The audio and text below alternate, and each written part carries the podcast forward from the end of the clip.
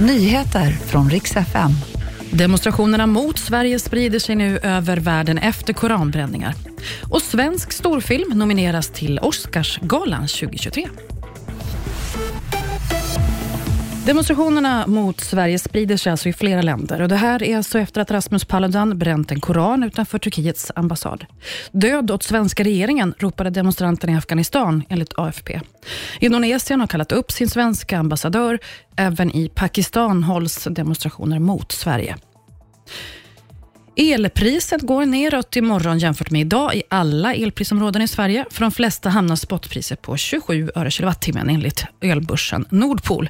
Längst ner i söder ligger det lite högre på 96 öre kilowattimmen. Ska ändå sägas, i priset tillkommer alltså också skatt och nätavgifter.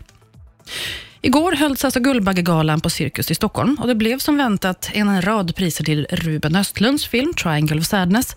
Den tog bland annat hem både bästa film, bästa regi, manlig och kvinnlig biroll.